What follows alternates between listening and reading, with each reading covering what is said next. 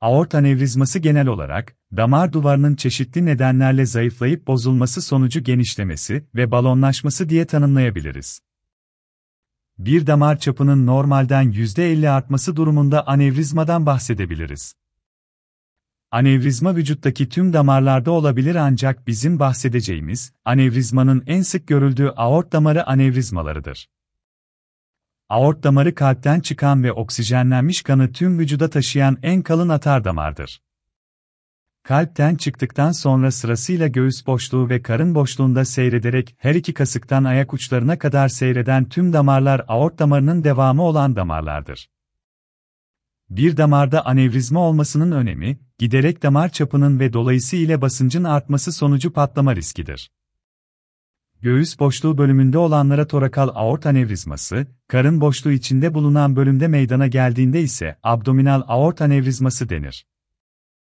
Aort cerrahisi Aort damarının anevrizma problemi yaşaması oldukça önemli bir problemdir. İleri derecede anevrizmalarda mutlaka cerrahi yöntemler ile onarımı gereklidir. Açık ve kapalı cerrahi yöntemler ile tedavi edilebilen anevrizma probleminin mutlaka ameliyat sonrasında takip edilmesi gerekmektedir. Aksi takdirde tekrarlayabilen anevrizma problemi hayati tehlikelere yol açmaktadır. Aort anevrizması sebepleri nelerdir? Temel neden damar duvarının yapısının bozularak zarar görmesidir hipertansiyon, sigara kullanımı, kolesterol yüksekliği ve ateroskleroz, enfeksiyonlar, travma ve genetik yatkınlık hastalığa yol açan nedenler olarak sayılabilir. Aort anevrizması belirtileri nelerdir? Çoğu zaman belirti vermeyerek sinsi şekilde ilerler. Bulundukları bölgeye bağlı bası oluşturabilirler. Kalpten hemen çıkışta meydana gelirse, aort kapak yetmezliğine, soluk borusuna bası yaparsa nefes darlığına, abdominal aort anevrizmaları ise karın ve sırt ağrılarına neden olabilirler. Bazen de tesadüfen başka tetkikler yapılırken tespit edilirler. Anevrizmalar nadiren de patlamış olarak acil servislere başvuran hastalarda tespit edilirler. Bu durumlarda hayati risk çok fazladır ve acil girişim şarttır. Aort anevrizması tanı yöntemleri. Anevrizmalar genelde belirti vermedikleri için tesadüfen tanı konabilirler. Abdominal aort anevrizmaları muayene sırasında karın bölgesinde palpasyonla fark edilebilir. Bunun dışında en kolay ve ucuz yöntem olarak ultrasonografiyi söyleyebiliriz.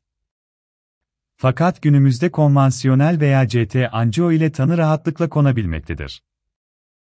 CT anjiyo aynı zamanda takip altındaki hastaların değerlendirilmesinde de en sık tercih edilen yöntemdir. Aort anevrizması tedavisi Anevrizmalar tanı konduktan sonra bulundukları bölgeye göre değerlendirilirler. Belirli çapın üzerinde ve patlamış olanlar derhal ameliyat edilmelidir. Damar çapı müdahale sınırının altında olanlar belirli aralıklarla takip edilmelidirler. Bu dönemde ek risk faktörleri kesinlikle ekarte edilmelidir. Hipertansiyon kontrol altına alınmalı hasta kendini travma ve ani darbelerden korumalıdır. Sigara kesinlikle bırakılmalıdır. Sigara içimi anevrizmalı takip edilen hastalarda rüptür, patlama riskini artırmaktadır.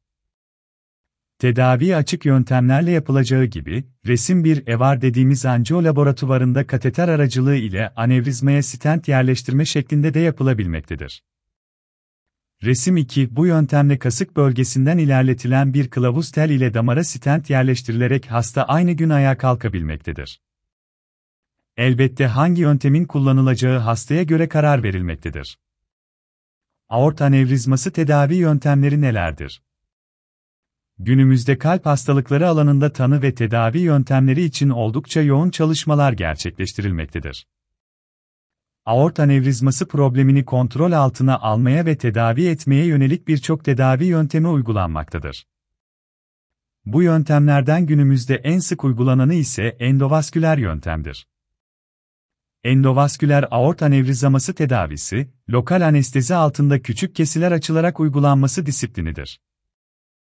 Bununla birlikte aort anevrizması tedavisi, anevrizmanın bulunduğu bölge ve derecesine göre farklılıklar göstermektedir.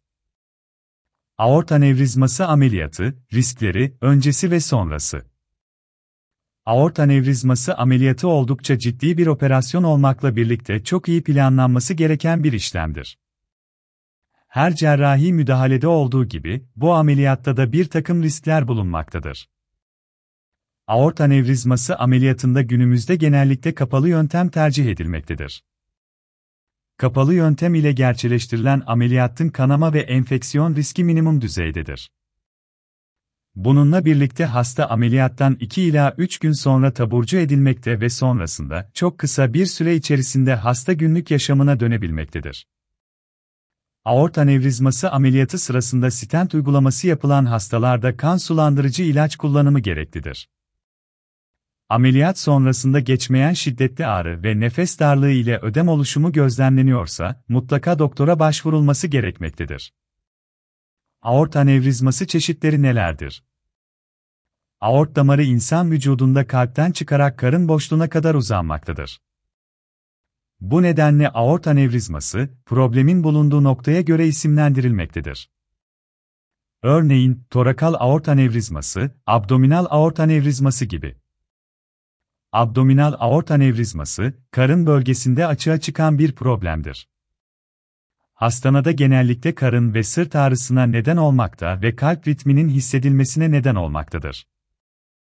Torakal aort anevrizması, aort damarının göğüs boşluğunda bulunan bölgesinde açığa çıkan problemdir. Genellikle sol kolda ve göğüs bölgesinde ağrı hissedilmesine neden olmaktadır. Asendan aort anevrizması, genellikle kalp kapak muayenelerinde tesadüfen fark edilmektedir ve hastada herhangi bir belirti vermemektedir. Abdominal aort anevrizması ve tedavisi Kalpte pompalanan kan insan vücudunda aort olarak tanımlanan atardamar ile dolaşım sağlanmaktadır. Aort damarının karın boşluğundaki kısım abdominal aort olarak tanımlanmaktadır. Damarın bu bölgede genişlemesi ise abdominal aort anevrizması olarak adlandırılmaktadır. Abdominal aort anevrizması tüm anevrizmaların yaklaşık %75'ini oluşturmaktadır. Anevrizma problemi tedavi edilmediği sürece genişleme devam etmektedir ve yırtılma riski oluşmaktadır. Aort hastalıklarında endovasküler tedavi Aort anevrizması mutlaka tedavi edilmesi gereken ciddi bir hastalıktır. Tedavi edilmeyen anevrizmalarda genişleme süreci daha da fazlalaşmakta ve yırtılma riski taşımaktadır.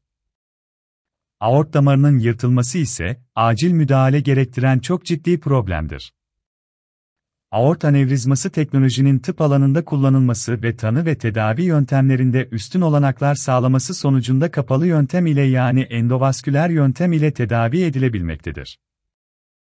Endovasküler tedavi sonrasındaki kontrollerin aksatılmaması ve 6 ila 12 ay sonrasında anjiyografi uygulamasının gerçekleştirilmesi anevrizmanın tekrarlama olasılığını minimum düzeye indirmekte ve hastanın yaşam kalitesini yükseltmektedir. Torakal aort anevrizması, belirtileri ve tedavisi. Aort damarının göğüs boşluğunda yer alan kısmı torakal olarak adlandırılmaktadır. Bu bölgedeki genişleme ise torakal aort anevrizması olarak tanımlanmaktadır. Belirtileri arasında çevresindeki organlara baskı oluşturması dışında herhangi bir şikayete neden olmamaktadır. Bu nedenle kalp ve damar hastalıkları risk grubunda olan kişilerin rutin kontrollerini aksatmamaları gerekmektedir. Torakal aortun anevrizma sonucu yırtılması ise göğüs ağrısı, tansiyon düşmesi ve nefes darlığı gibi şikayetlere neden olmakta ve hastaneye yetişemeden ölüm gerçekleşebilmektedir. MR gibi yüksek teknolojili görüntüleme sistemleri ile tanı konulan torakal, aort anevrizması probleminde tedavi yöntemi diğer anevrizmaların tedavi yöntemleri ile benzerlik göstermektedir. İlerlememiş anevrizmalarda anjiyografi uygulaması gerçekleştirilmektedir. Torasik aort anevrizması, belirtileri ve tedavisi. Torasik, aort damarının göğüs kafesi içerisinde yer alan bölümüdür. Sağlıklı bir aort damarının torasik bölümü 2 simidir. Ancak 3 simeye ulaşan genişlik anevrizma olarak adlandırılmaktadır. Normalde herhangi bir şikayete neden olmayan ve belirti vermeyen torasik, aort anevrizması rutin kontroller sırasında fark edilebilmektedir.